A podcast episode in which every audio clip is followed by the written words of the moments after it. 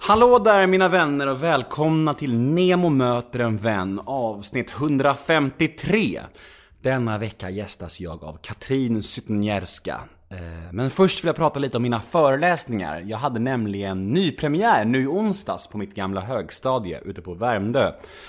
Och jag var ju och föreläste hela förra året. Jag var i, jag tror det var 10-15 olika städer, olika gymnasium runt om i Sverige. Det var väldigt, väldigt uppskattat. Eh, föreläsningen handlar om eh, det är en life story helt enkelt. Min livshistoria. Och jag pratar mycket om att växa upp i en stor dysfunktionell familj och ja, röriga miljöer och hamna i, hur jag hamnade i dokusåpasvängen och, och tiden efter och hur jag hamnade i tungt missbruk sen och sen hur jag tog mig ur det och har varit, hur jag nu har varit nykter och drogfri i lite mer än två år och har vänt mitt liv. Och eh, ja, en föreläsning som handlar mycket om bekräftelse, sociala medier och så här och den har varit väldigt, väldigt uppskattad bland ungdomarna där ute. Så om ni jobbar på en skola eller på um, ja, ungdomsgård eller vad som helst så hör gärna av er till mig och boka mig för att eh, jag tror att det här är en livshistoria som många ungdomar kan ta nytta av. Det är i alla fall den responsen jag har fått runt om i landet. Det finns väldigt goda referenser och allt möjligt så gå in på min hemsida www.nemohedén.se och läs mer. Där finns all information om föreläsningarna så hoppas jag att vi syns senare i höst.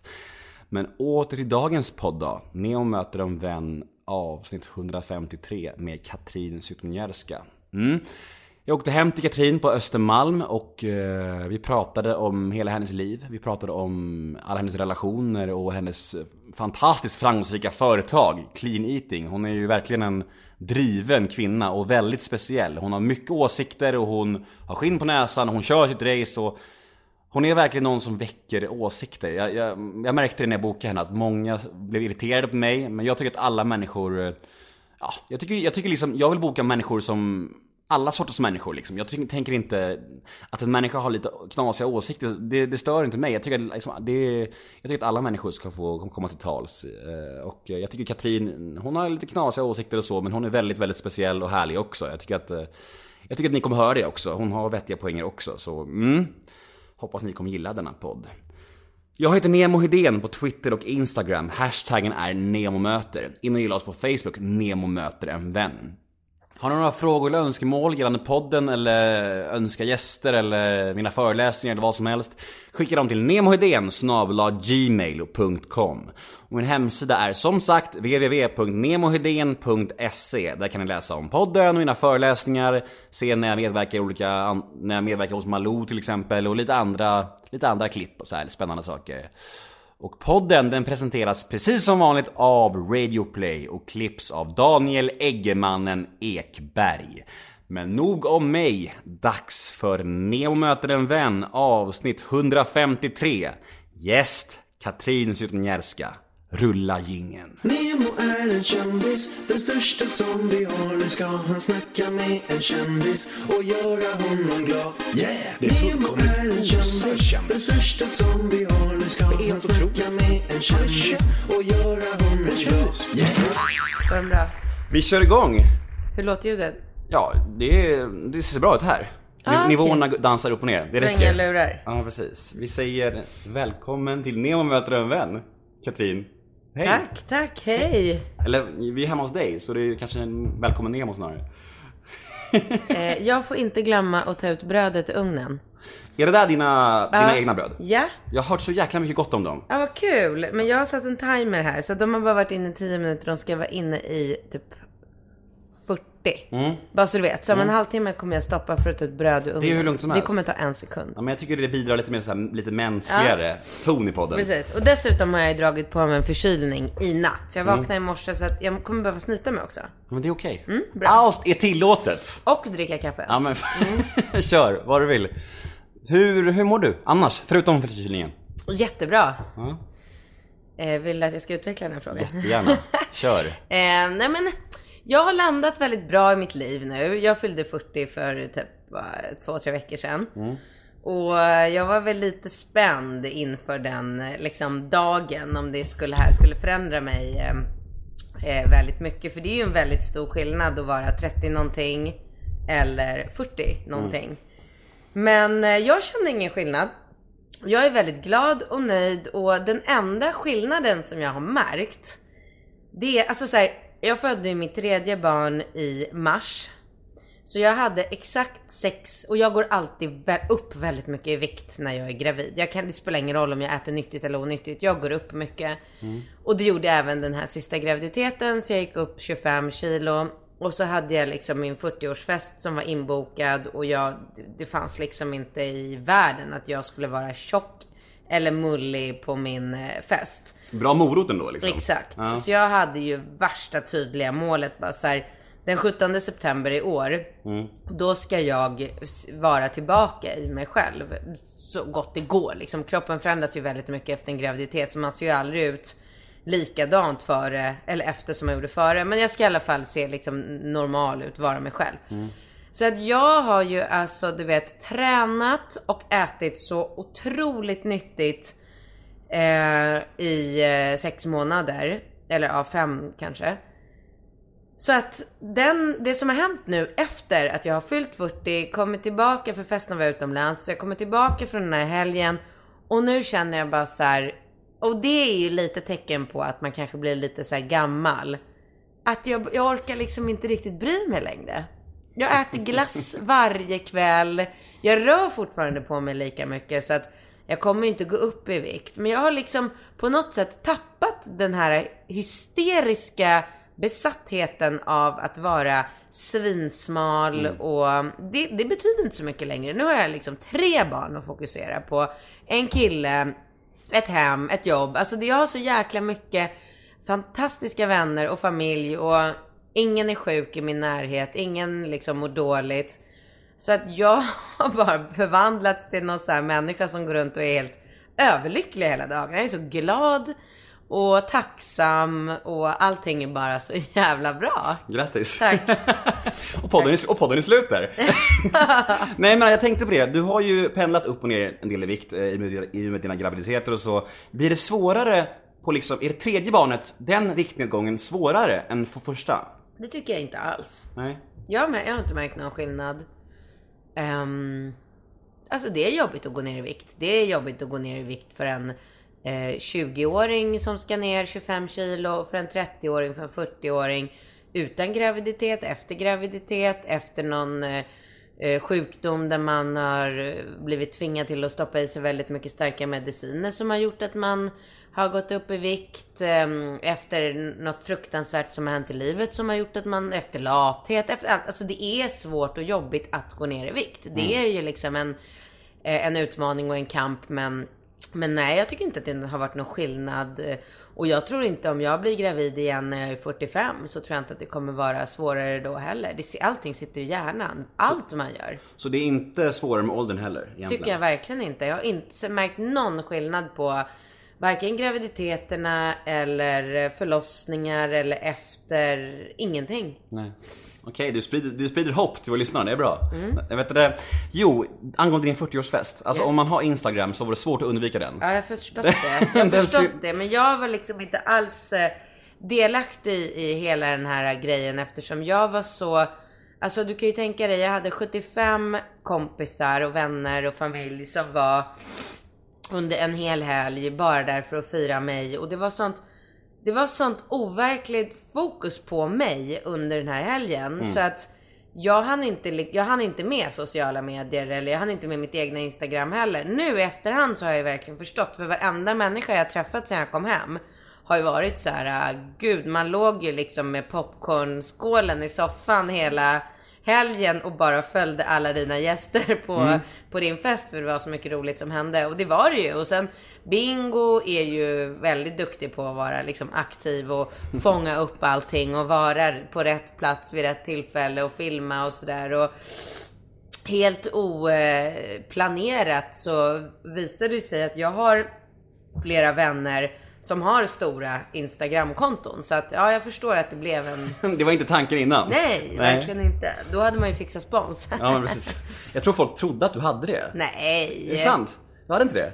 Men vadå, jag har, kan du minnas att det är något varumärke som har Nej, nämnts? nej men jag, är- jag är inte heller bra på att se sånt kan jag säga. Jag är inte alls sån där influencer-tänkande. Nej, men det var ingen, det var ingen spons. Det skulle ju vara...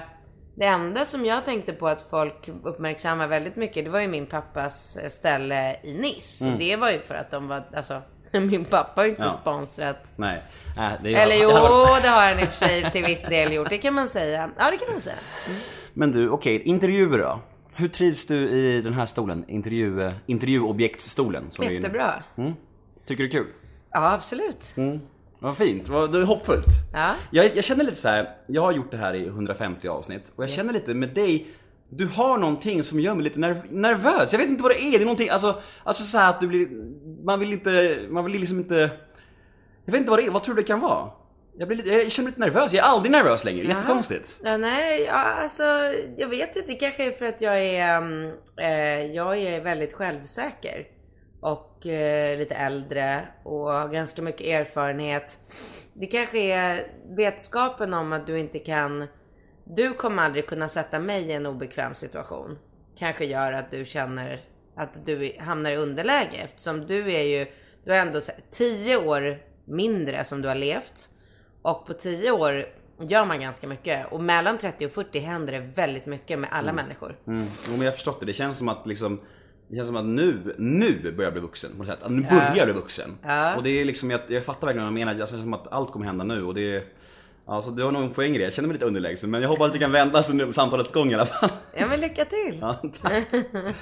Det roliga är att eh, när jag bokade dig till den här podden så la jag upp dig på min Instagram och aldrig har jag fått så mycket reaktioner. Du väcker ju väldigt mycket reaktioner och jag undrar, är det, är det någonting som du grubblar över själv ens? För, det, för du har jättemycket människor som älskar dig och sen så finns det några stycken också som blir så här: hur fan kan du ha med henne? Vikthets, folk som blir upprörda, vad fan tänker du med? Ska du supporta det där, mobbing, hej och hej och. En vattendelare verkligen. Är det någonting du reflekterar över alls längre? Eller hur Nej, alltså. Jag har ju levt med det i väldigt många år nu. Eh, och jag, jag är väldigt nöjd med att det är så. Eh, jag, ehm, alltså jag skiljer mig en del från eh, liksom den svenska standardmodellen på människa och på eh, vad heter, officiell person. Folk är ju väldigt eh, oroliga i Sverige och det är väldigt viktigt att vara folklig och korrekt och snäll och fin och, och det är ju det som gör vårt land så otroligt fantastiskt. Att majoriteten människor vill eh, liksom varandra väl och är snälla. Eh, så det gör det ju väldigt lätt för mig att eh, skilja mig ur mängden eftersom jag, jag, har ju inga, jag har ju verkligen inga problem med eh, kritik, med negativa åsikter. Ehm, och de, de har ju jag uttryckt genom åren. Eh, och det, då finns det ju väldigt många, eller inte väldigt många längre, men eh, vissa människor har ju tagit mig då som väldigt hård och att jag säger sånt som man inte ska säga högt utan som man bara får tänka. För att så länge man bara tänker det och inte säger det högt, då finns det inte. Och finns det inte så kan vi bibehålla det här fantastiska landet vi har där Alltså vi har ju väldigt lite liksom, bråk och kriminalitet och skit om man jämför med, med resten av världen. Det är ju ett väldigt tryggt och fantastiskt land. Eh, så att... ehm, jag, Men förlåt. Nej. Kan det, vara, kan det vara medvetet? Det är det jag tänker på. Har, har det blivit så att det, när, ibland när du uttrycker en åsikt någonstans, genom, nu, nu tänker jag historiskt sett, genom åren så här, att du gör det för att väcka en provokation eller gör du det bara för att du är sån? Nej, jag gör det bara för att jag är sån. Och det, allting började ju med, första gången jag gjorde det, det var ju när jag jobbade som programledare på um, Idol Eftersnack. Och eh, hur gammal kan jag ha varit då? då? Typ 30? Det var väl, ja det var Som ju jag. 10 år sedan. Ja.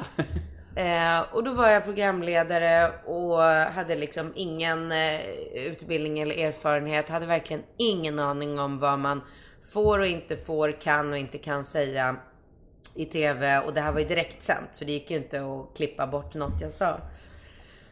Och då sa ju jag där vid, eh, om det var första eller andra programmet att, eh, ja men fan tror ni att, jag tror han heter Jesper, tror ni Jesper blir utröstad för att han är lite bögig?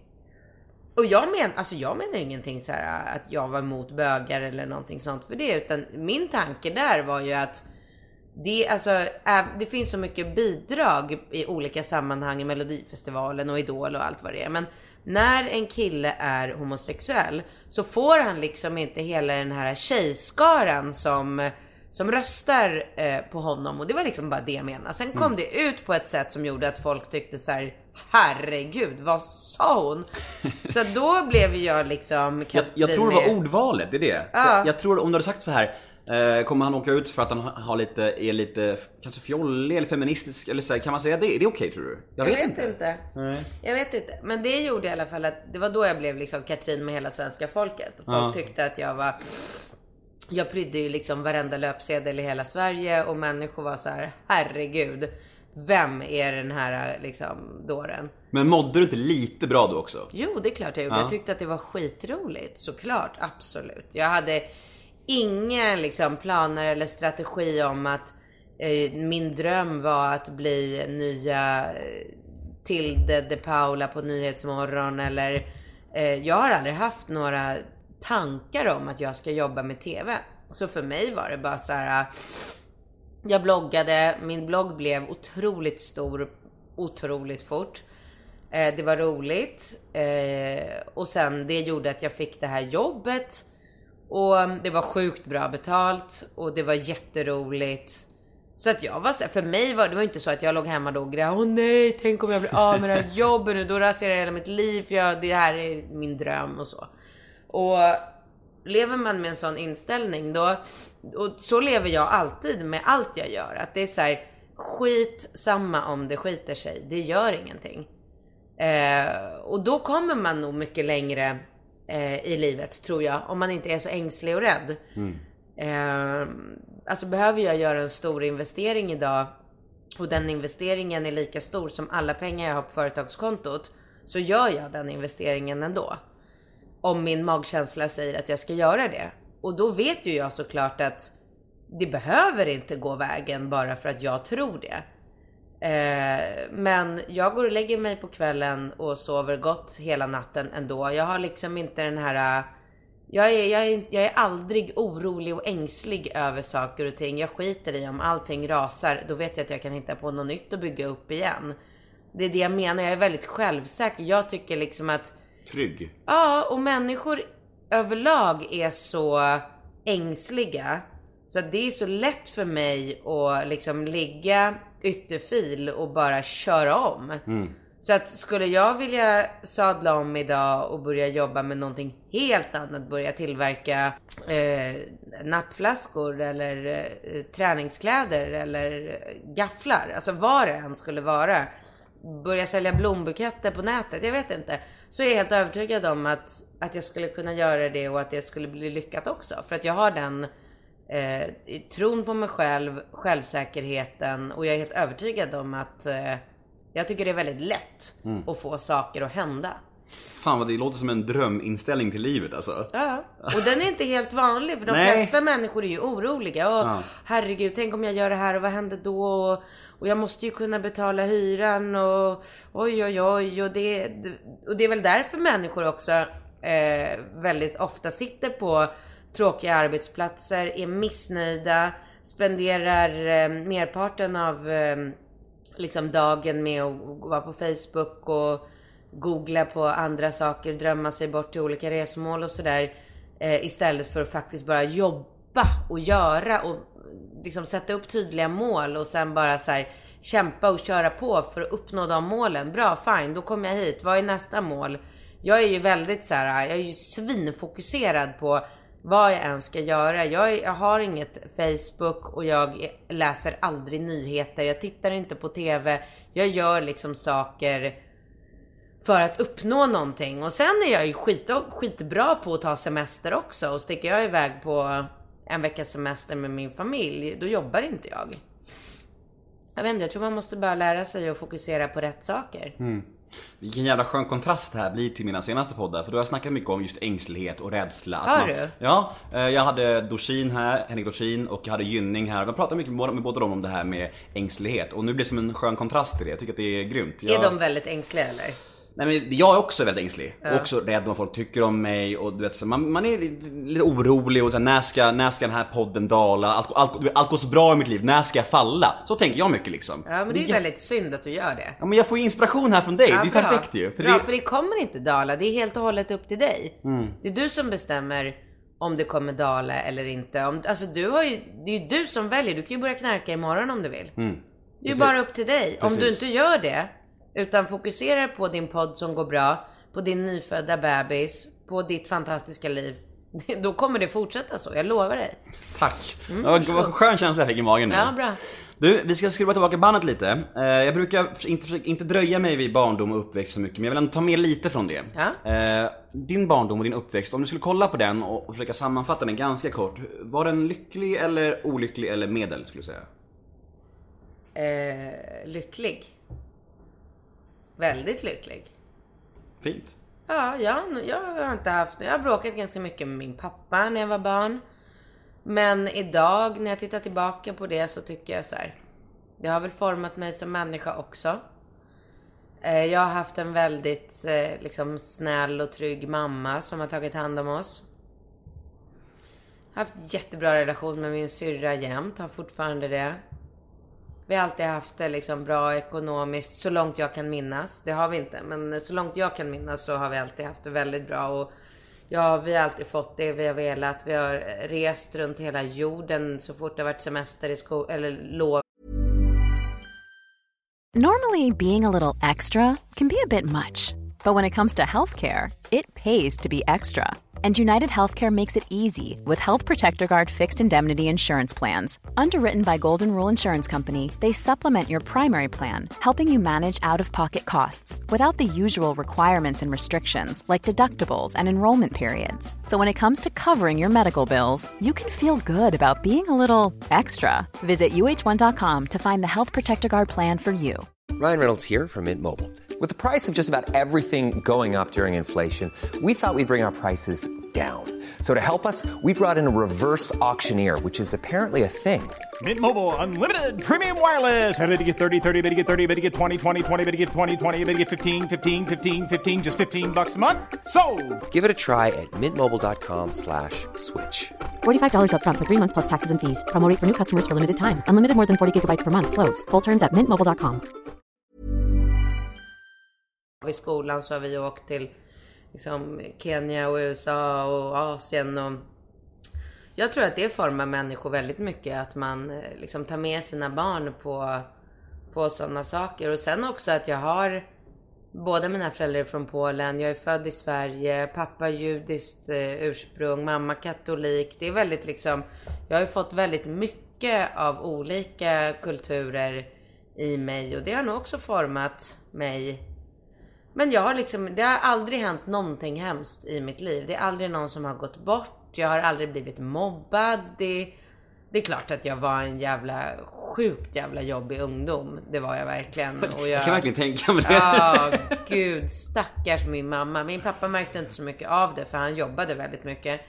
Men eh, min stackars mamma som fick sitta vaken på nätterna i köket och oroa sig medan jag bara var ute och härjade och alltså du vet jag började ju liksom röka och dricka alkohol när jag var 13 år. Så det var verkligen extremt. Men eh, nej. Tror du att eh, din eh, lyckliga och trygga uppväxt har gjort att du faktiskt är den självsäkra, trygga du är idag? Att du är Ja. mycket, bidragande? Verkligen. Absolut. För det känns ju som att det hänger ihop på något sätt. Jag, jag, återigen kopplat till mig själv, jag har ganska knasig uppväxt och det har gjort att jag blir lite ängsligare och osäkrare i många beteenden så här. Och det, är, det känns som att då får man en liten uppförsbacke i livet på något sätt. Absolut. Och jag tror att det är...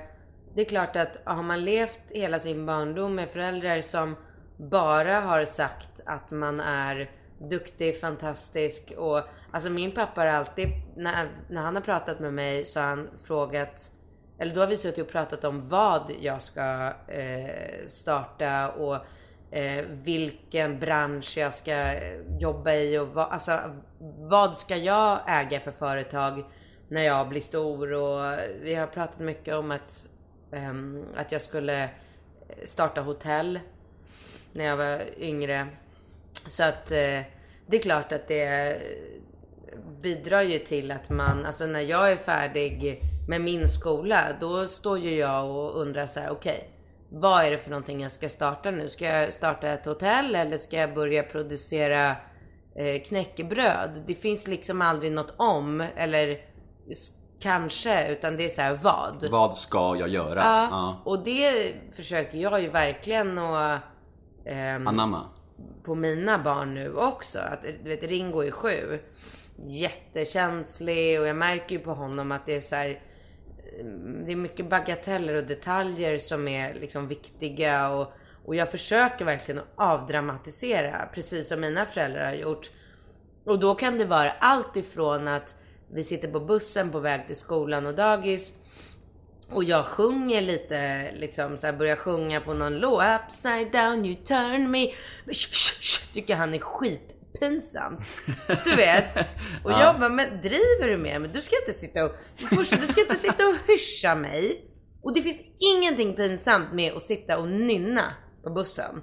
Eller sjunga när man kommer in i skolbyggnaden. Eller dansa fram i korridorerna. Det finns liksom ingenting som är pinsamt eller töntigt med det. Så att då kan vi bara släppa det. Jag kommer liksom aldrig acceptera att mina barn ska bli påverkade av det här alltså, Jante. alltså Ja precis, och så som samhället ser ut. Att man ska liksom rätta sig i ledet och alla ska vara likadana och man får inte höras eller synas för mycket. Och, för gör man det, då kommer man ju inte skapa några eh, fenomenala, speciella, kreativa små individer. Utan då kommer man ju skapa en person som kommer ställa sig i ledet, sitta på sin tråkiga arbetsplats, ehm, googla på Thailandsresor och liksom sitta på Drömma, Facebook. liksom. Ja, Mm. precis.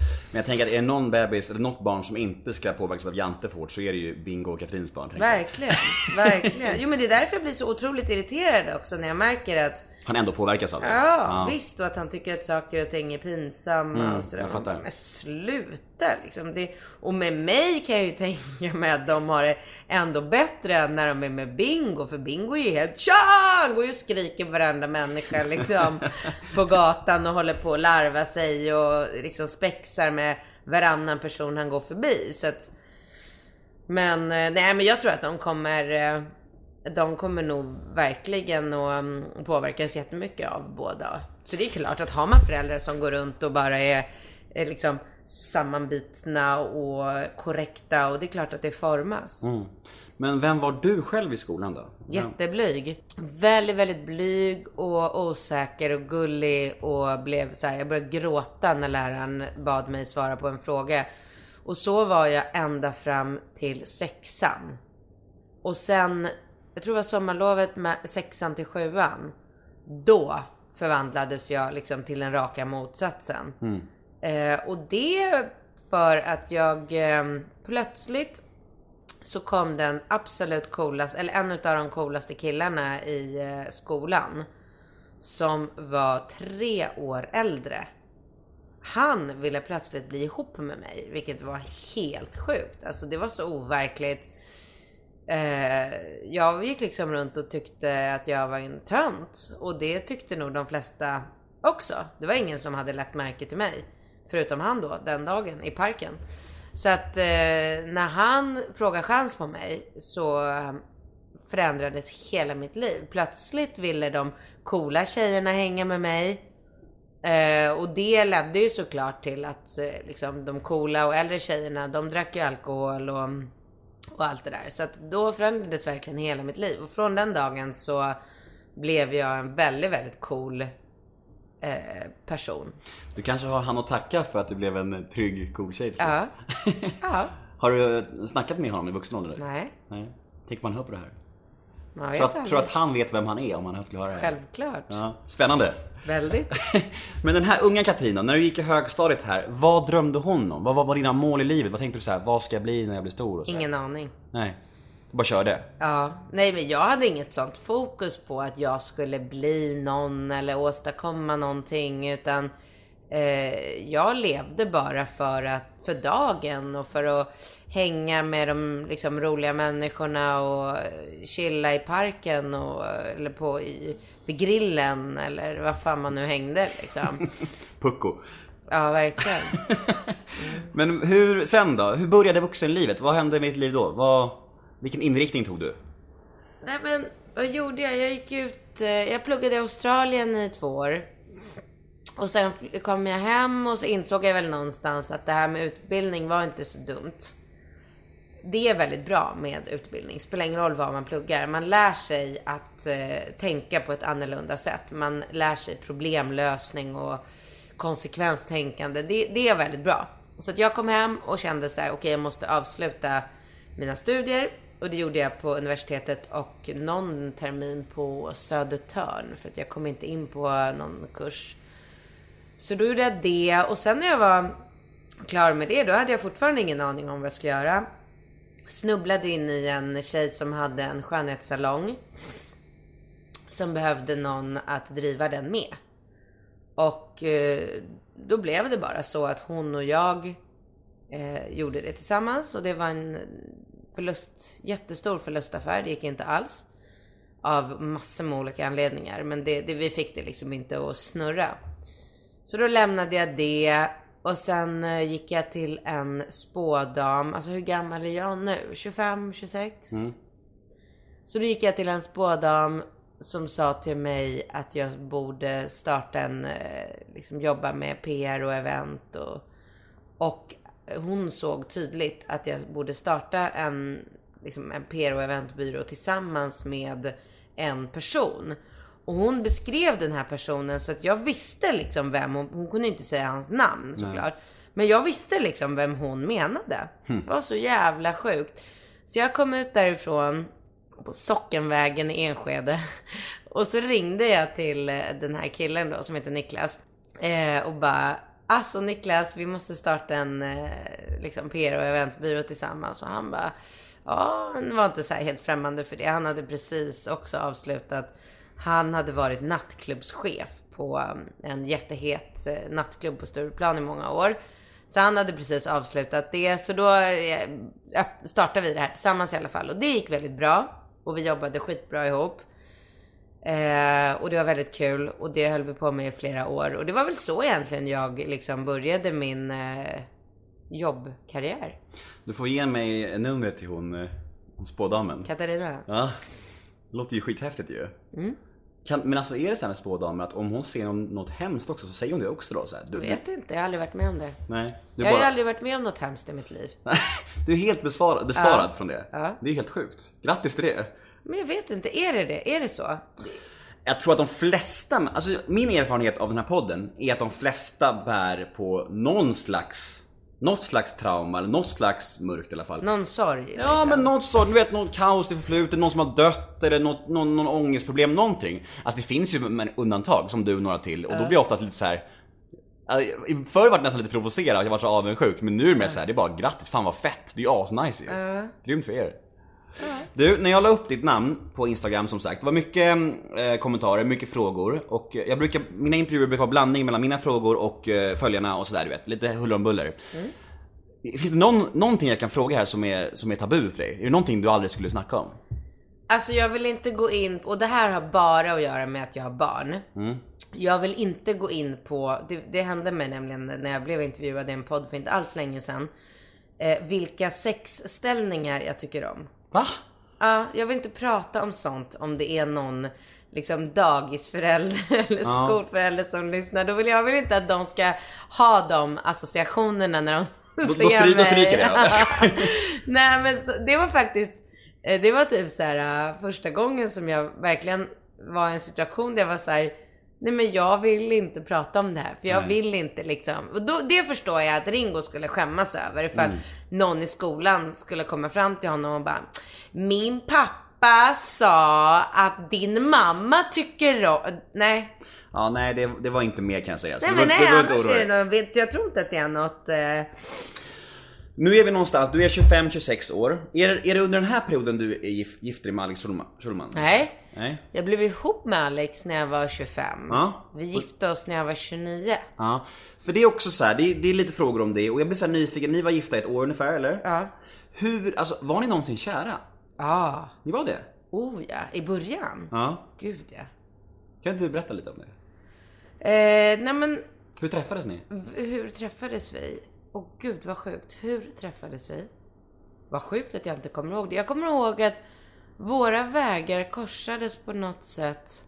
Han var ju supertöntig när vi träffades. Alltså verkligen så här han... Eh, vad ska man kalla honom för? En kuf. Han gick runt i så här eh, bruna eh, mocka eh, gympaskor och en stor Jesus-symbol över liksom hela t-shirten. eh, var helt pank.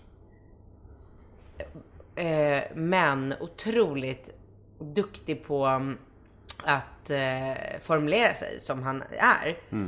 Eh, vi träffades när, precis när jag hade startat det här skönhetsinstitutet som jag berättade om. Och min uppgift där var att jobba med marknadsföring. Så jag hade ju massor med texter jag satt med och skulle formulera allt ifrån eh, liksom reklamblad eh, eh till bygga upp hemsidan och sådär. Så att det, det föll sig väl, alltså jag började be honom om hjälp med eh, de här texterna. Och sen resulterade det i att vi började mejla till varandra mycket. Och då insåg ju jag ganska snart att han är ju helt briljant. Alltså han är ju, han är ju helt fantastisk. Jag undrar om jag någonsin skulle kunna hitta de där texterna. Finns allting kvar på nätet? Alltså så här, Mm, på något sätt tror jag. För jag hade en hotmail då på den tiden. Som Men om jag... den finns kvar, då är det bara att gå in och söka. Men jag har ju aldrig liksom avslutat den. Men jag har ju inte gått, jag har inte loggat in på den på tio år. Där har du en bra bok. Du får göra som han och Gynning gjorde, släppa en bok på er konversation. Ah, just det. ja, men det var verkligen fantastisk mail. Alltså det var verkligen så. Jag blev verkligen så kär i honom över liksom. Hans texter liksom. Ja. Ja. Och sen eh, träffades vi ganska länge som så kompisar och um, vi, vi kom ju från två helt olika liksom, platser och han hatade Stureplan och tyckte att det var ett vidrigt allt det här liksom ytliga och plastiga och materialistiska och han envisades med att bara sitta med sina kompisar på Medborgarplatsen och dricka öl ur plastglas och eh, och de hade något café där nere som jag nu inte kan komma på vad det heter där de bara skulle sitta. Så där fick jag sitta med honom och hans kompisar och sen fick jag umgås med mina tjejkompisar och då sitta i Sturegallerian när han inte var med för han var verkligen så här. Jag var varför hade jag inte med? Jag hade hyrt ut min lägenhet av någon anledning och bod, flyttat in hos honom på Gullmarsplan. Så vi bodde ju dessutom på Gullmarsplan och allt var så här jävligt flummigt liksom. Eh, ja, och sen så en vacker dag så fick han, var det någon annan som, jo för han jobbade för en, skrev för en sida på den tiden som hette mingel.se. Mm, just det. Mm. Och där var det någon som plötsligt en dag uppmärksammade att shit, här har vi verkligen en talang. Så då blev han kontaktad av Stureplan, eh, koncernen som skulle starta en eh, internetsida som skulle heta Stureplan.se. Och undrade om han ville kicka igång den tillsammans med eh, en kille som på den tiden var en superstekare som inte är det längre. Gud, det är så mycket, alltså man har blivit så jävla gammal nu så det är så mycket som har Det är som en life story här, det kommer Ah, gammal. ja, men gud alltså. Memory lane. Jag kan prata hur mycket och länge som helst. Kör. Ehm, eh, nej men så, så, så kom han i det och så då insåg ju han såklart ganska fort att det är ju otroligt roligt på Stureplan. Det är alltid roligt där rika, framgångsrika och glamorösa människor befinner sig. Det spelar ingen roll vilken stad eller land man är i. Eh, pengar gör att saker och ting blir mycket roligare. Och gladare och mer liksom bekymmerslösa. Och det fattar, insåg jag han också ganska fort att det var ju fruktansvärt roligt att festa på Karma. Som man gjorde på den tiden, Karma och Bondi och det var ju bara liksom Love is in the air och alla stod och bara woo! Spruta champagne, det var bara kul. Det är helt omöjligt, alltså du ska ju vara eh, Deprimerad. Men, precis, jag vet inte vilken typ av så här superkreddig kulturskribent som ska stå i ett hörn med armarna i kors och eh, vägra eh, liksom medge att det är roligt, för det är roligt. Så att det är ganska fort och så var han väldigt inne i eh, hela Stureplanslivet och tyckte att det var skitkul och vi flyttade till min lägenhet eh, på Skeppargatan och sen bytte vi till oss en större och, sådär. Och så vi levde ju ändå tillsammans i eh, sex, sju år. Kommer inte ihåg nu. Och gifte er och skilde er. Ja, Ja. Varför skilde ni er? jag vet faktiskt inte. Fortfarande. Det var ingenting speciellt. Det, det var bara liksom att kärleken, alltså den här äh, lågan slocknade. Vi var bara kompisar till slut. Har du någon relation med honom alls idag? Nej? Nej. Hälsar ni när ni ses? Ja. Absolut. Vi är inte ovänner på något sätt. Eh, Så, när Bingo kom in i ditt liv, jag tänker lite så här, det ni är ju... Ni har ju något gemensamt att ni är två väldigt färgstarka karaktärer. Men ni är verkligen en udda kombo skulle jag säga. Alltså hur... Vi är inte så udda Ni som är inte så udda. tror. Jag Nej. tror ju det, det är känslan jag får. Men hur gick det till och vad föll du för hos honom? Eh, alltså där följer jag ju för egentligen samma som med Alex och med alla killar jag har fallit för. Jag, har ju bara, jag faller ju för en enda sak hos killar och det är ju eh, att de får mig att skratta. För annars så har ju alla killar jag varit ihop med hela mitt liv varit helt sinnessjukt olika. Alltså, kolla, kolla på Alex Schulman och på Bingo. Du kan ju inte få två Nej. större ytterligheter. Eh, men eh, nej men det var roligt. Det var exakt samma sak när jag träffade Bingo. Att det var så här, det var inte tal om att vi skulle bli ihop. Utan det var mera så att han skulle hjälpa mig att hitta en ny kille. För jag var ganska så här nere efter ett eh, misslyckad, eh, misslyckad, väldigt kortvarig relation som jag hade efter Alex. Men sen blev vi kära i varandra istället. Så det kan bli. Mm. Vet du? Men alltså din och Bingos relation idag, jag tänker mycket på den för, inför det här för att jag liksom... Jag lite- hoppas att det var inför det här och inte överlag. Jag tänker aldrig på den annars säga. det är skönt Jo, att höra. när, jo när, när jag ser bilderna på Instagram och, Ja. och era stories, då Ja, tänker jag på det. ja. Men inte så mycket annars, Nej, nej. Det, det hade bara varit creepy. Ja, det hade varit lite jobbigt. Men jag menar, ni är ändå någon slags förebilder i det där, i ex. För det är så många ex som aldrig kan, umgås i samma rum och hej och Ni måste få höra det hela tiden, att ni är såna liksom goals när det kommer till att ha en bra relation och ha barn ihop och inte vara ihop längre. Nej, men vi får höra det av, eh, i sådana här sammanhang och Mm. av främmande och så får vi det. Men inte av så här. eh, Eller jo, det är klart att folk tycker väl att det är grymt. Men, men det är inte, alltså så här. Blir du inte glad då? Jo, men det är inte så ovanligt. Alltså jag, det är mera ovanligt Mm. för eh, människor i allmänhet. Men här där vi bor, här där jag bor i den här stadsdelen, så är det inte ovanligt. De flesta jag känner har en väldigt fin relation till sitt ex för barnens skull. De åker på semestrar tillsammans, de umgås tillsammans i Humlegården. Alltså det är inget, det är inte så spektakulärt här. Om man jämför med hur otroligt eh, eh, folk verkar tycka att det är runt om i landet. Och det säger ju mera om dem än om oss, kan jag tycka. Ni kanske ligger i framkant där, eh, innerstan liksom. Ja, kanske. Jag fattar inte riktigt varför.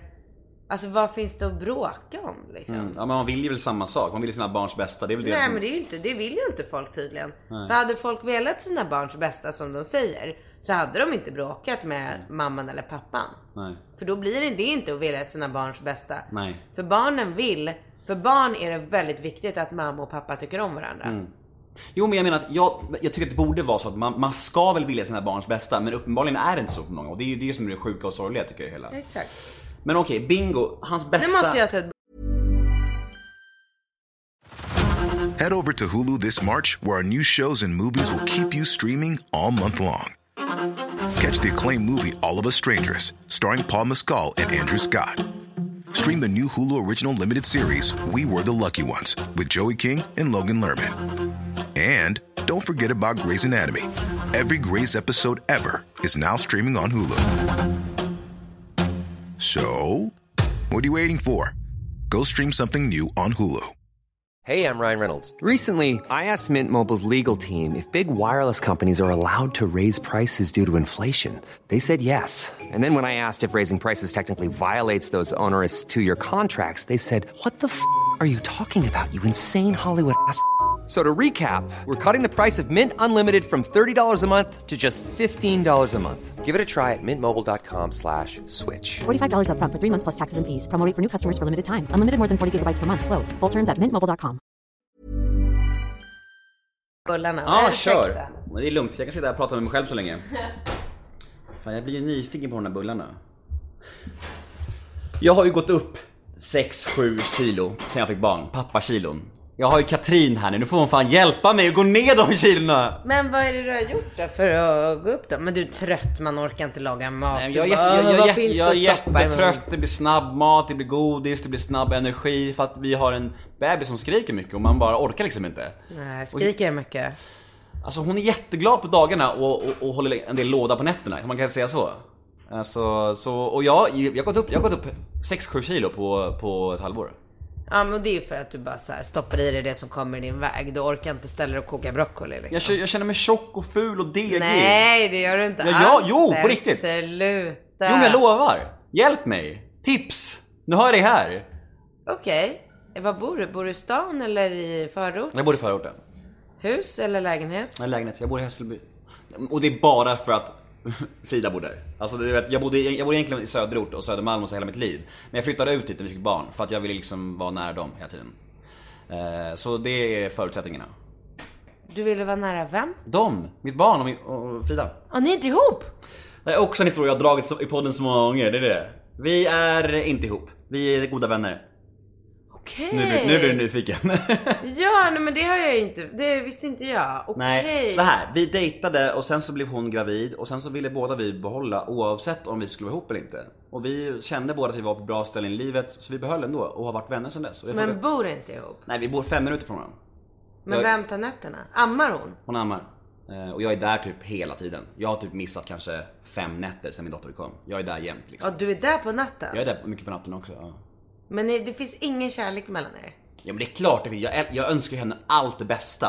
Hon är fantastisk mamma och underbar människa. Jo, men, du tänder inte på henne? Ja, men det här blir jätteprivat nu känner jag. Men, men... Men vad fan, eh, du är ju poddare, då är måste man vara privat. Nej men, men vi är inte kära i varandra, nej. Men vi är goda vänner och vi vill varandra allt väl. Och återigen, vi kommer till, återkommer till det här nu att vi liksom, vi vill ju Novas bästa. Ja, Hon heter Nova som Bingos. Ah, Ja. Eh, Så just nu är det så här. sen om vi hittar tillbaka till varandra, det är jättefint om, om men alltså vår relation är sekundär. Fokus är Nova liksom. Så ser vi på det. Nu, nu okej. för vi från ämnet här. Ja, men väldigt spännande och intressant och jättekul tycker jag. Eh, Ja, men det är lite så här modern family tänk på något sätt. Att vi, vi, vi, vi, vi Men ni bråkar liksom inte? Nästan aldrig. Nej. Vi är jättegoda vänner och vill varandra väl och, det, och, det, och, det, och vi bråkar mycket, alltså när vi dejtar bråkar vi jämt. Nu bråkar vi aldrig och jag tycker det säger en del liksom. Men hur var hela graviditeten? Var ni ihop då? Nej men jag var väldigt närvarande liksom. Ah. Mm. Och jag var med i förlossningen och allt sånt där liksom. Så jag, det har funkat bra liksom. Och jag vet, många har ju så här, ja men vadå, ni är bara kompisar, folk, folk har så mycket så tankar. Men ja, fuck dem. Så länge vi mår bra i det här, det funkar, funkar för oss. Det är det enda som betyder någonting. Absolut. Så det, så ser det ut. Okej, ja, tillbaka till frågan. Mm. Då kan ju du verkligen gå ut och springa varje dag. Just det, det var det. Ja, absolut, det kan jag göra. Så varför gör du inte det? Åh, för att jag är lat! Exakt. Ja. Men du vet att man måste förtjäna, alltså om du stoppar i saker i din mun. Mm. Du får inte göra det om du inte förbrukar kalorier, alltså blir av med de kalorierna. Det går inte. Nej. Det får man inte. Den regeln måste man bara sätta för sig själv. Mm. Om du inte tränar får du inte äta. Nej. Nej, så enkelt. Ja. Så man, ska, man, man får belöna sig själv om man har sprungit? Så, Ja, typ eller så. belöna. Du får liksom antingen äter du och tränar kalorier in, kalorier ut. Mm. Eller så du får inte göra Du har inget annat alternativ. Nej. Så att du vaknar på morgonen. Du går ut och går en promenad en timme. Perfekt. Då kan du äta en trevlig lunch sen. Mm. Men om du inte gör det, då får du inte äta. Du får inte äta förrän du tränar. Jag kan ju bara ta Nova på magen och gå promenad. Absolut. Ännu bättre. Ännu bättre, eller vagnen är bättre. Jag, Ja. jag, jag har inte riktigt förstått det där med människor som går med så här småttingar i babybjörnen och liksom powerwalker. Jag tänker att det är så här, det blir jobbigt för deras lilla nacke. Mm. Det är bättre att ha henne i vagnen och så bara ut. Jag gör det varje morgon. Mm. Ut och gå bara. Ja, det finns, finns fan inga ursäkter. Nej, Nej. inte för någon. Dina, dina produkter går ju väldigt bra. Ja. Och folk älskar ju dem liksom. Och vad, alltså vad, eh, hur kom, det, hur kom det till dig att börja med det här clean eating och allt det? Vad, vad, liksom, hur, hur började den grejen? Det var precis av den eh, anledningen att jag eh, hade varit gravid första gången med Ringo. Jag födde Ringo, herregud, med Ringo gick jag ju upp eh, 35 kilo. 30? det sjukaste jag hört. Ja, jag vet. Jävlar vad mycket. Ja, du förstår hur tjock jag var. Jag kunde inte knyta skosnören på slutet. Ah, shit. Ja, det var hemskt. Ja. Eh, och sen födde jag honom och så, så gick det två månader och så satt jag där på landet och bara herregud, hur ser jag ut? Alltså det var så hemskt, jag var så grotesk, jag var fet, äcklig.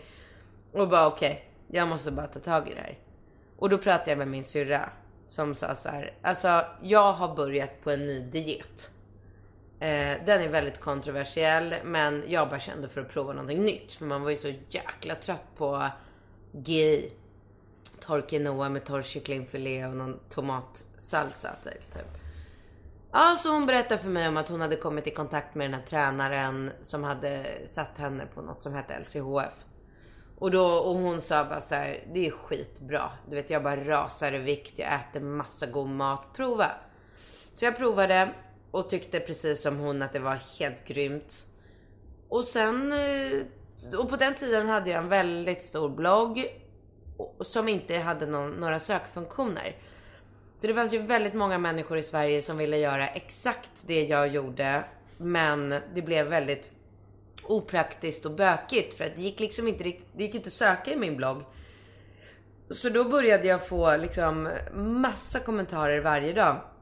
Vad äter du till frukost? Hur gjorde du den där omeletten? Vad, liksom, hur mycket bacon får man äta? Du vet. Och då insåg jag ganska fort, eftersom jag är ju en entreprenör. Jag, let, alltså, jag har ju levt med min pappa hela livet som jämt går runt och letar efter saker som man kan starta eller jobba med eller Företagare, Ja, själen liksom. ja, Ja. exakt. Eh, och jämt liksom var man än har rest eller varit, tagit med sig prover och eh, produkter och är det här något man kan göra i Sverige? Är det här något man kan eh, starta? Koll, du vet. Ehm, så då insåg ju jag att eh, det här kan ju jag göra, liksom, tjäna pengar på. Så då skrev jag en bok om exakt hur jag hade gått ner de här 35 kilona med hjälp av LCHF. Och den sålde jättebra. Eh, men då började människor igen så här. Okej, du bakar det här brödet, du äter den här müslin, du pratar om alla de här produkterna som du äter, men hur ska vi kunna göra? Det är ju skitjobb. Det är inga människor som orkar stå och baka bröd. Och mitt bröd som jag bakade var jävla omständigt. Det är tusen olika ingredienser och hälften utav dem var inte sånt som på den tiden inte fanns att få tag på utan man fick sitta och liksom leta efter speciella proteinpulver som gick att värma upp i Tyskland typ och eh, liksom beställa hem och alltså det var ju omständigt.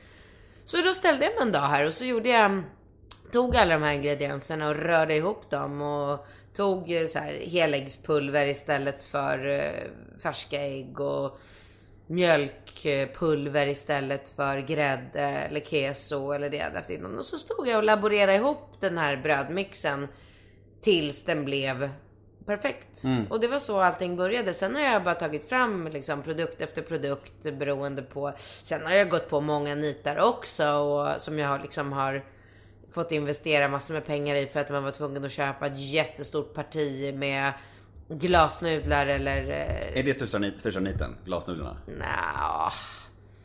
Nja. Nudlarna överhuvudtaget gick inte. Men de säljer ju bra nu, alltså tror jag. Jag ser ju eh, liksom bön, pasta och sånt i matbutikerna nu. Så det var väl bara... För oss funkade inte det. Men du, du är lite av en LCHF-expert får man nog säga. Ja. Hur är det med lightläsk? Ja. Funkar det? Ja, alltså det finns ju så här, LCHF är ju egentligen en kosthållning som en eh, doktor hittade på för inte så länge sedan. Eller inte många, inte så många år sedan. Och hon, alltså hon är ju läkare och hela den liksom eh, gruppen människor kring henne som började med LCHF de hade ju väldigt stort fokus på att man ska äta hälsosam mat. Alltså inga e-ämnen, inga tillsatser utan det skulle vara liksom eh, bra näringsrika råvaror. Alltså du får äta hur mycket bearnaisesås du vill men du ska fan stå och göra den själv. Du ska inte gå och köpa en färdig bearnaisesås. Det, det var nästa fråga. Nej, men förstår du? Och Jag det, fattar, jag fattar. Det var så Ja, allting ja. började och så var jag också i början. Ja. Att så här, Hitta kryphål, hitta, ja så här. Ja, men sen har ju det här utvecklats mer och mer. Och de här, de här första liksom, LCHF-fantasterna, de är ju emot söt, alltså den söta smaken överlag. Sötningsmedel också. Allt som är Ja, sött. För att det är så här, socker, påverkar ditt blodsocker så att du håller på och har högt och lågt och högt och lågt. Och när du har högt så blir du jättepigg och när du har lågt så blir du helt trött och det är alla människor bara shit finns det någon banan eller kexchoklad? Ja. Typ som jag senaste halvåret. Ja. Ja, och det här, går man på LCHF eller tycker om LCHF så är det ju det man inte vill ha. Man vill ju ha ett jämnt blodsocker hela dagen så att man, man är aldrig hungrig, man är aldrig trött, man är aldrig jättepigg utan man är alltid jämn. Alltid 3 plus. Precis. Eh, och, eh, men Sen har ju det här såklart utvecklats åt massor med olika håll och människor är olika och tycker olika och nu kommer svaret på din light eh, fråga och det är ju så här att läsk, lightläsk är ju sötat med sötningsmedel. Sötningsmedel påverkar inte blodsockret. Så att när du håller en LCHF kosthållning så kan du dricka lightläsk. Det är lugnt. Sen om det är hälsosamt eller inte. Nej, det är klart att det inte är hälsosamt. Men det påverkar inte din viktuppgång. Det finns de som säger så här, man ska vänja sig bort sötbehovet helt. För då har man inget behov av att äta söta saker. Fan vad enkelt. Men grejen är, jag kan tycka att det är jävligt gott med den söta smaken. Jag tycker det är underbart med sött. Och då tycker jag att det är helt okej att jag sötar min eh, müsli med eh, erytritol. Det är ett naturligt sötningsmedel som tillverkas av eh, frukt på ett sätt som, eh, som gör det inte farligt som aspartam. Men det tillverkas ju fortfarande på ett kemiskt sätt. Så då tycker vissa att det är inte alls naturligt. Medan andra, alltså du vet det är så här, jag det finns ju dialoger om allt. Tycker du att du är en bra förebild? Ja, tycker jag. Ja, jag- Det var en fråga från en lyssnare så jag, jag var tvungen att, jag, jag vill, du får gärna utveckla. Vad, vad eh, och varför liksom?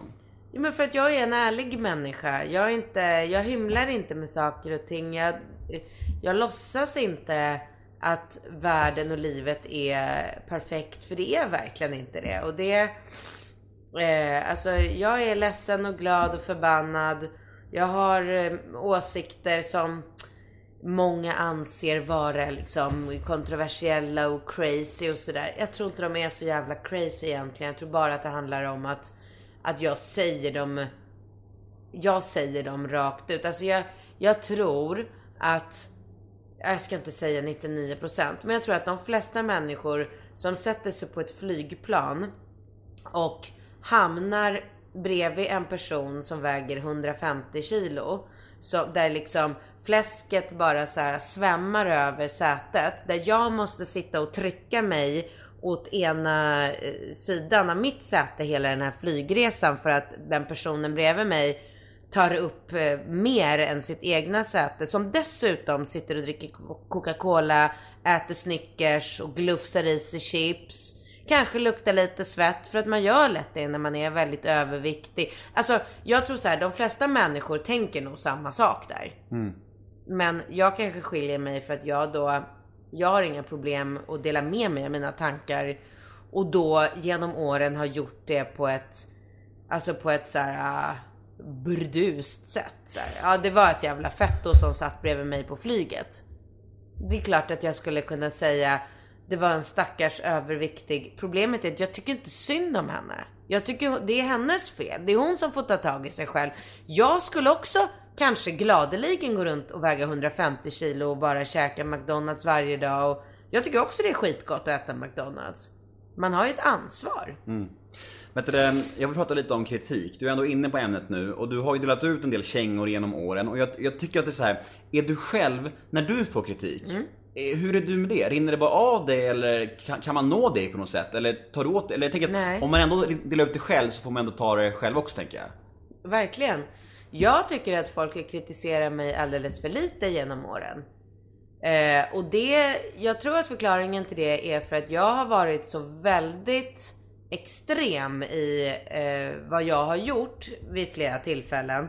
Att eh, folk har inte vågat eh, kritisera mig för att de har tänkt att då kommer hon slå liksom hundra gånger tillbaka. Och det är det jag har gjort också. Och jag har ju inga gränser för vad jag kan göra mot människor. Idag är det en helt annan sak för att jag har barn och jag är skiträdd.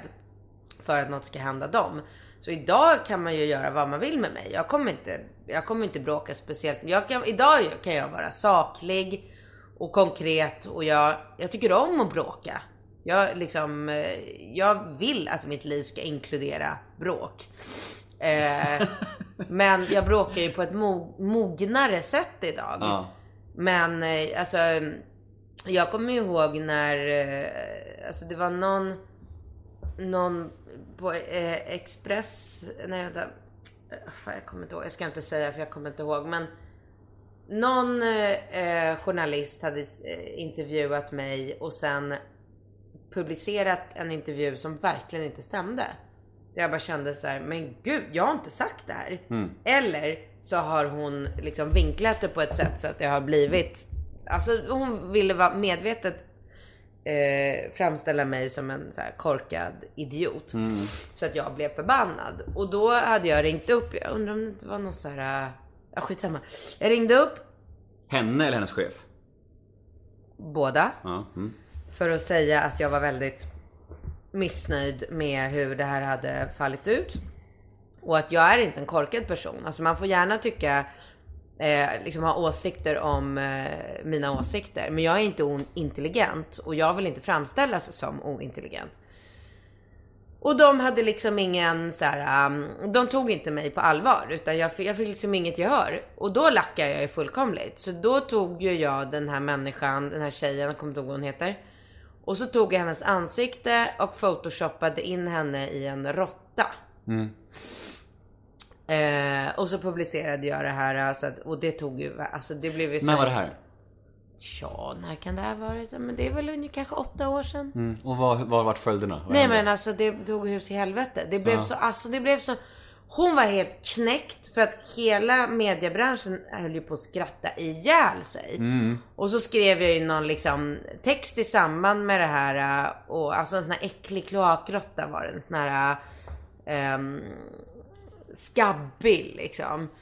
Eh, Och så skrev jag då hur, eh, liksom, vad som hade hänt, hur liksom, vidrigt behandlad jag tycker att jag har blivit och hur hon kan bara så här, äh, dra åt helvete. Och då blev jag ju uppringd både av henne och av chefen och det bönades och, och liksom eh, om att jag skulle ta bort det här. Och jag bara, men det, glöm det. Glöm det bara. För att du vet, när jag blir förbannad, då blir jag förbannad. Och då har jag så här, jag sket verkligen i dem då. Och sådana saker har jag ju gjort. Det här var ju bara ett exempel. Jag har gjort flera sådana här saker under mitt liv. Och det tror jag har gjort att, eh, att journalister, för journalister är ju väldigt ängsliga människor. Där har vi ju inte de coolaste katterna i stan precis. eh, jag tror inte de har vågat eh, kritisera mig för att de har varit rädda.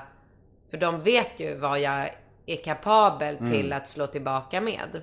Men alltså, precis, och den här, din historia och dina grejer som du har gjort tidigare Det ligger någonstans kvar, även om du har lugnat det så ligger ju respekten kvar Ja. Det är både för journalisterna och även när jag kom in här så säger jag liksom att jag känner mig lite nervös och Ja. lite rädd, som jag aldrig känner mig Nej. Och det är bara för att det ligger någonstans kvar ditt gamla hårda ändå liksom Ja, ja, ja, men det förstår jag. Och absolut. Och det, alltså de flesta säger ju så när de träffar mig. Åh, vad fan känner jag att jag är rädd för dig för? Nu känner jag så Ja, men de flesta, och speciellt killar, vet inte varför. Men, eh, och det är väl det som är liksom att jag är ändå, jag har gjort massor med saker i mitt liv. Eh, jag är, jag är inte rädd för att eh, bråka. Fortfarande. Alltså det ligger i min natur. När jag cyklar med ungarna till, till dagis och skolan eh, och det är någon som, eh, som säger till mig för någonting. Här får du inte cykla eller akta min hund eller någonting. Jag skriker tillbaka. Du vet ungarna skäms ju ihjäl. Jag bara, Flytta på din jävla hund istället! Du vet jag inte, jag, det, jag har det i mig. Jag är en bråkig person. Det säger ju min kille. Och det har ju alla killar alltid sagt till mig. Vilka är dina mörkaste karaktärsdrag annars? Det, det är att jag alltid drar, jag, jag går alltid för långt. Jag ångrar alltid. Jag ångrar saker jag säger för att jag har ingen spärr. Jag har ingen liksom så här. Eh, alltså när man bråkar med någon man älskar så borde man ju tänka så här. Man borde tygla sig själv och fatta att imorgon eller övermorgon så kommer vi bli vänner igen. Och man kan inte ha det som alltså, man har sagt osagt. Och liksom, jag går på ömma punkter och svagheter på ett jävligt patetiskt sätt, tycker jag själv. Jag önskar att jag inte, att jag inte höll på sådär. För att så här, om du har, eh, om du försökte bli en eh, sångare men misslyckades och det är jätte, jättekänsligt för dig. Och du och jag bråkar och jag säger att eh, din jävla nolla, trodde du att du skulle bli sångare eller är du döv? Hör du inte att du inte, du har ju, kan ju inte ta en ton rätt. Då säger jag det när vi bråkar. I'm Nick Friedman. I'm Lee Alec Murray. And I'm Leah President, and this is Crunchyroll Presents The Anime Effect.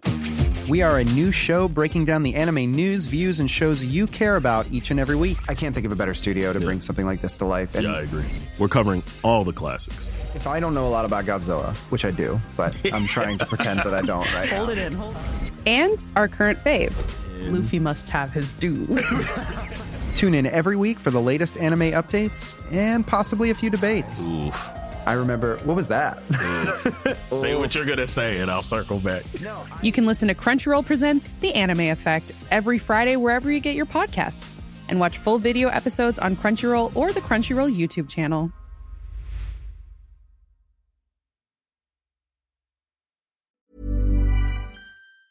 Men sen när vi blev vänner, då är ju det där kvar. Du vet ju fortfarande, du kommer ju alltid veta att jag tyckte så. Mm. Eller tycker så. Mm. Och det kan man inte riktigt säga, du jag menade inte det där med som jag sa. jag fattar. Du har inte riktigt, du har inte riktigt några spärrar när du är affekt liksom. Nej, och Det, det kan ju jag känna så här, åh.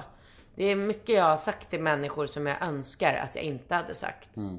Du känns ju, vi var inne på det, att du har varit ganska befriad från tragedier och, och mörker i livet liksom. Ja. Men när skulle du säga att du mår som sämst? När har, du, när har Katrin ångest? Jag har aldrig ångest. Skönt. Nej men jag har inte det. Jag har, jag har mått sjukt dåligt i perioder och det har verkligen varit 100% hormonellt. Eh, men då har jag gjort något åt saken och det har ju, det har ju tagit liksom mm, längre, kortare tid. Man förändras väldigt mycket av en graviditet. Det är skitjobbigt. Eh, nu efter Falke så mådde jag jättedåligt i flera månader och alltså bara kände mig så här låg och nedstämd och hade liksom ingen ork riktigt. Men nu verkar jag ha hittat ett p-piller som eh, verkligen funkar. För nu har, har jag inte liksom känt mig deppig på två månader. Så nu är mitt nya problem nu är hur fan jag ska lyckas ta det där pillret samma tid varje dag. Det är så här, så, Alarm på mobilen ja jag vet de säger det. Men vad fan! Det är därför de finns ju. Påminnelser. Du har, ja. du har väl iPhone antar jag? Jag vill få upp en spiral och slippa piller. Det är så jobbigt att hålla reda på piller. Vet du hur mycket piller jag äter? Äter du antidepressiva? Nej, nej, men det var ju mitt nästa steg. Ja. Jag ringde ju till en gynekolog som jag fick tipsat som var, som vara väldigt, väldigt duktig. Mitt i sommaren när alla var på semester och bara grät. Jag bara, alltså vad ska jag göra? Jag är så jävla deppig. Jag har precis fått mitt tredje barn. Mitt liv är perfekt. Allting är perfekt. Och jag går runt och är deppig. Det är en sån jävla käftsmäll. Liksom. Jag har ingenting att vara deppig över. Nej. Så då sa hon det så här, prova de här, äh, och det är lika bra att jag säger det för annars kommer du få en miljard mail om vad heter de där pillerna hon tog som tog bort PMSen? Eh, YAZ, JAS. Va? Heter de JAS? Ja, jag tror det. YAZ. Eh, och hon sa det till mig att det är ett nytt p-piller som eh, verkligen hjälper många just med så här PMS-besvär. Men om de inte hjälper dig, då är det bara Premalex kvar. Och Premalex är ju antidepressiva. Så jag Men, var men, ju... det sla, men det slapp du i alla fall. Ja. Vad har du för relation till alkohol? Åh, hat, hatkärlek. Jag tror jag hörde någon podd som du gästade, då pratade du om att någon slags, det finns ju någon slags alkoholist, alltså du vet det här med att när du super så kan du inte sluta sa du någonstans. Har jag sagt det? Någonstans, i någon podd sa du att när du super så kan du inte sluta. Jag tror, kan det vara Fördomspodden kanske? Att du, du liksom, det finns ingen hejd när du tar ett glas, då kör du bara. Ja. Ja, så är det. Fan också. Varför ska jag säga sånt när jag har små barn? Ja, nej men det stämmer.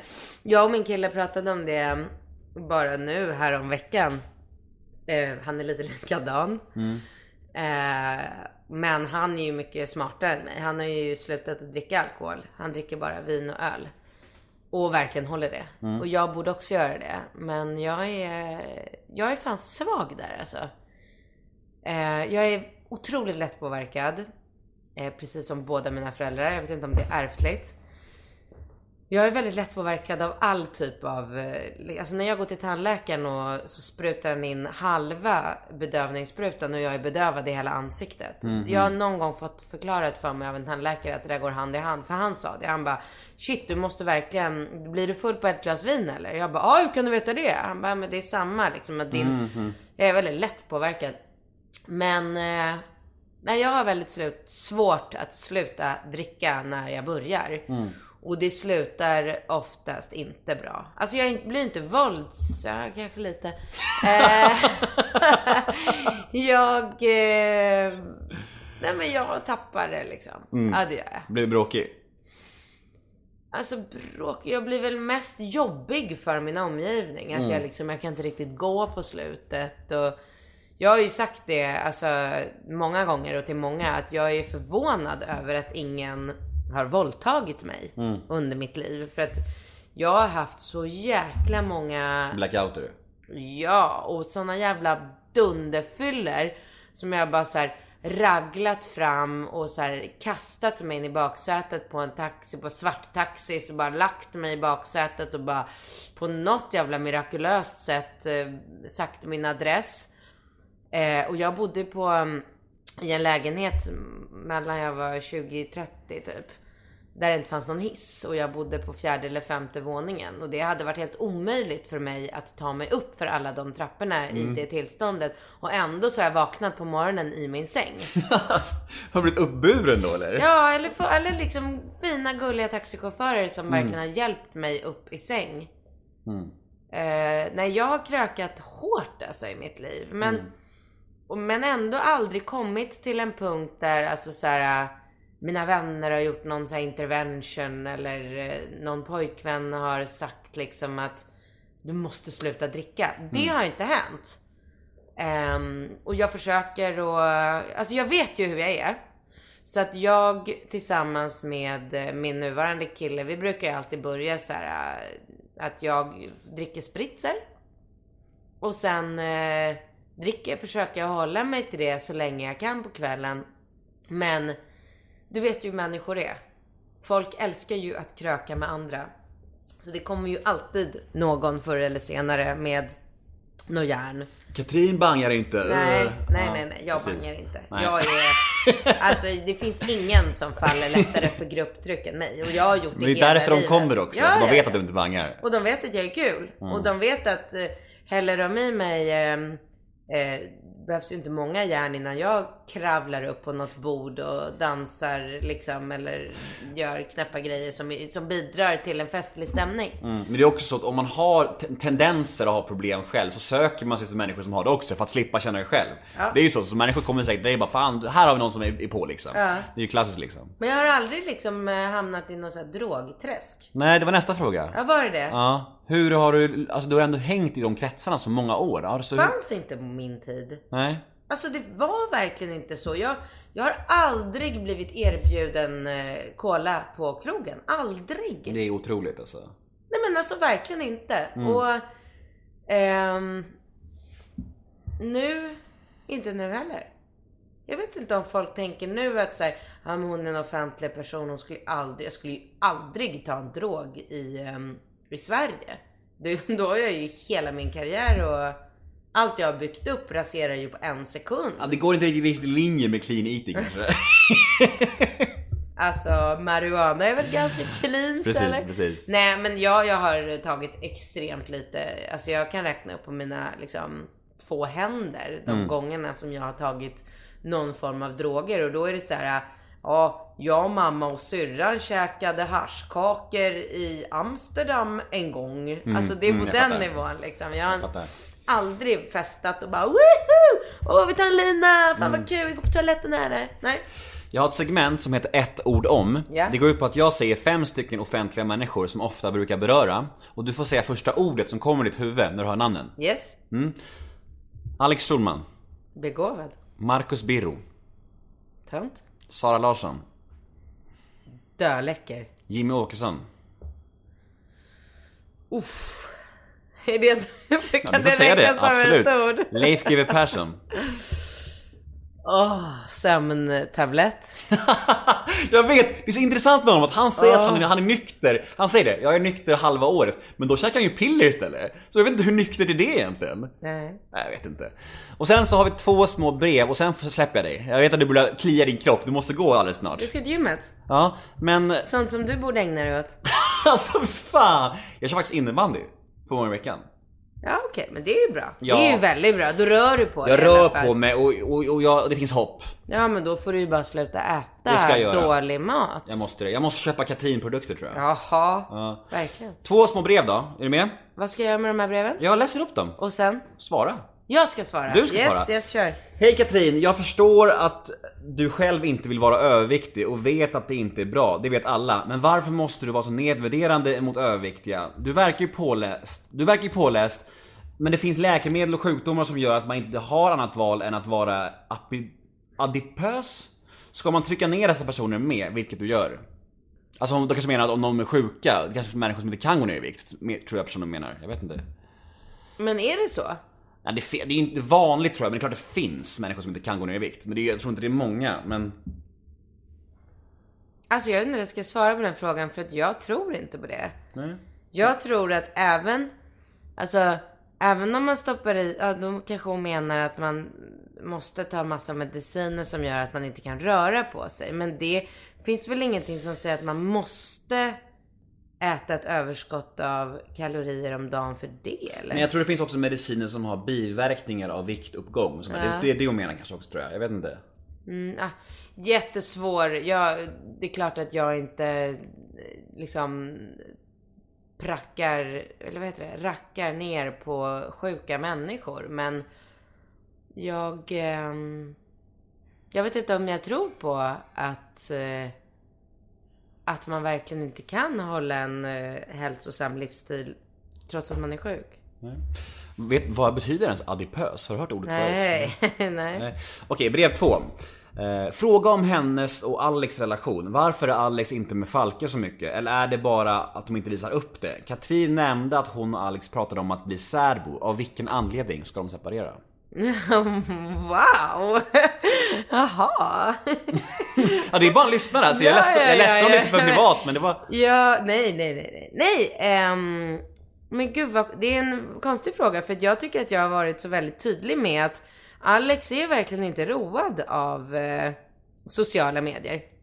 Han tycker att det är eh, larvigt och eh, han har inget, varken behov eller intresse, framförallt intresse av att dela med sig av sitt privatliv eller sig själv eller eh, liksom sig alls i sociala medier. Så att eh, det är klart att det kan få eh, folk att tro så som den här människan tror. Men det betyder ju liksom ingenting. Och jag försöker ju ibland att få med honom men han vill verkligen inte. Han tycker inte det är något kul. Så att man kan väl bara, kan vi inte bara respektera det och låta, låta honom få leva sitt privatliv. Det är ju helt fine att han vill det.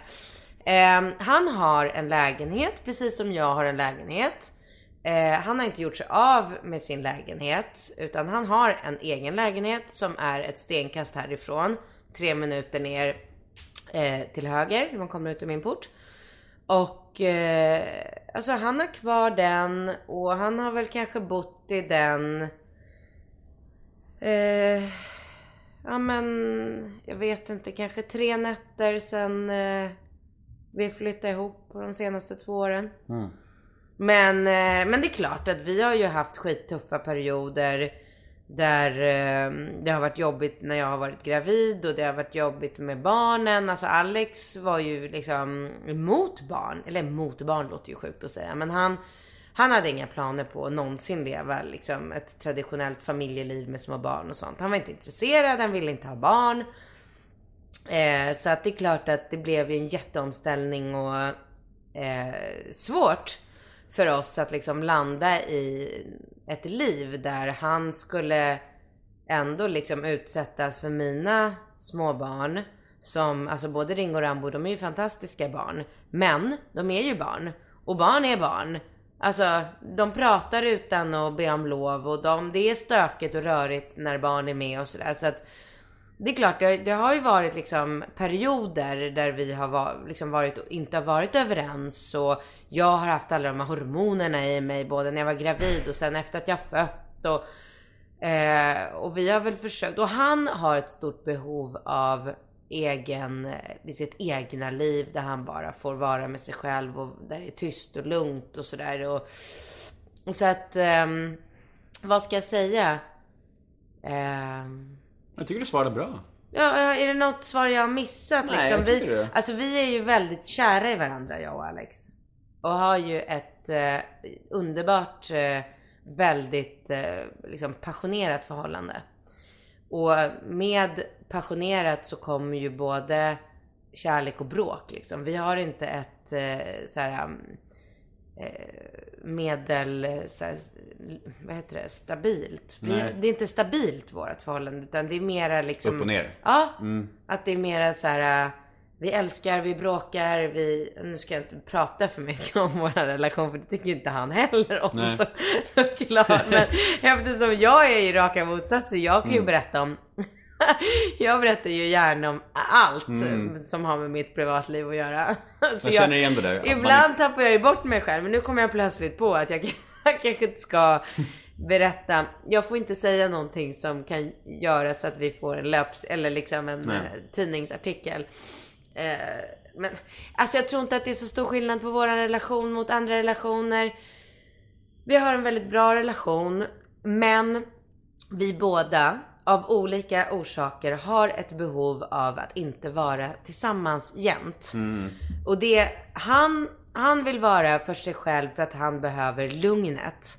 Där han kan bara få vara med sig. Han har inget behov av att gå ut och festa med polare. Det är inte det det handlar om. Utan det är, han vill ha lugn och ro och fokus och bara vara själv.